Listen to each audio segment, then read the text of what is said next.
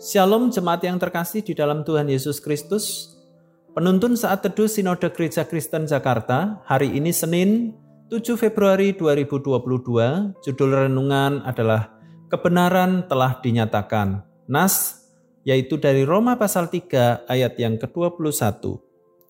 Tetapi sekarang tanpa hukum Taurat kebenaran Allah telah dinyatakan seperti yang disaksikan dalam kitab Taurat dan kitab-kitab para nabi Julius seorang bocah dituduh telah mencuri laptop dan ponsel milik seorang warga. Ia ditahan dan disiksa untuk mengakui perbuatannya.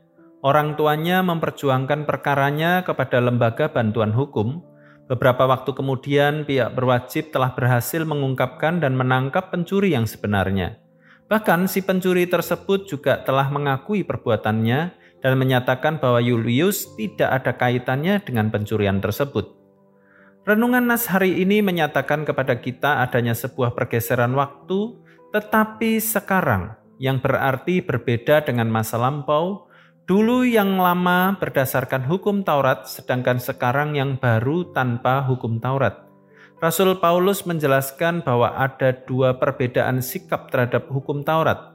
Pertama, orang-orang Yahudi yang menuntut untuk dibenarkan di hadapan Allah melalui ketaatan pada hukum Taurat, antara lain perbuatan baik. Kedua, orang-orang percaya yang dibenarkan tanpa melakukan hukum Taurat, melainkan keselamatan hanya oleh karena anugerah Allah. Pernyataan tanpa hukum Taurat, kebenaran Allah telah dinyatakan, berarti bahwa di dalam kasih karunia perbuatan baik adalah bukti dan tujuan keselamatan, bukan syarat keselamatan. Perbuatan baik atau amal kebajikan yang dilakukan bukan supaya beroleh keselamatan. Perbuatan baik merupakan tindakan yang seharusnya dilakukan oleh orang-orang percaya yang sudah diselamatkan.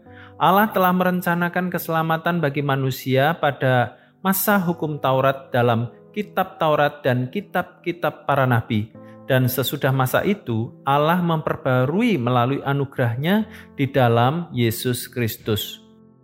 Hukum dibuat untuk manusia. Setiap hukum pasti dibuat untuk kebaikan manusia supaya taat, teratur, dan disiplin dalam kehidupan bermasyarakat.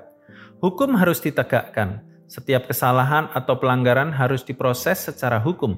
Ada beberapa persyaratan tuntutan yang harus dipenuhi sebelum dinyatakan bersalah antara lain praduga tak bersalah, adanya saksi-saksi, disertai bukti-bukti pelanggaran dan sebagainya.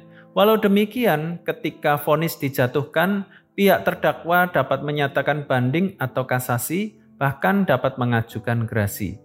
Dalam konsep kebenaran dan keselamatan Allah, tidak ada manusia yang benar dan sempurna dalam melaksanakan hukum Allah. Oleh karena itu, Allah memberikan gerasi, yaitu pengampunan berdasarkan anugerah kemurahan Allah di dalam Yesus Kristus untuk kita. Hukum Allah adalah kebenaran tertinggi, mutlak, dan satu-satunya. Hukum itu menjadi kebajikan tertinggi atau sumum bonum bagi umat manusia. Selamat beraktivitas, Tuhan Yesus memberkati.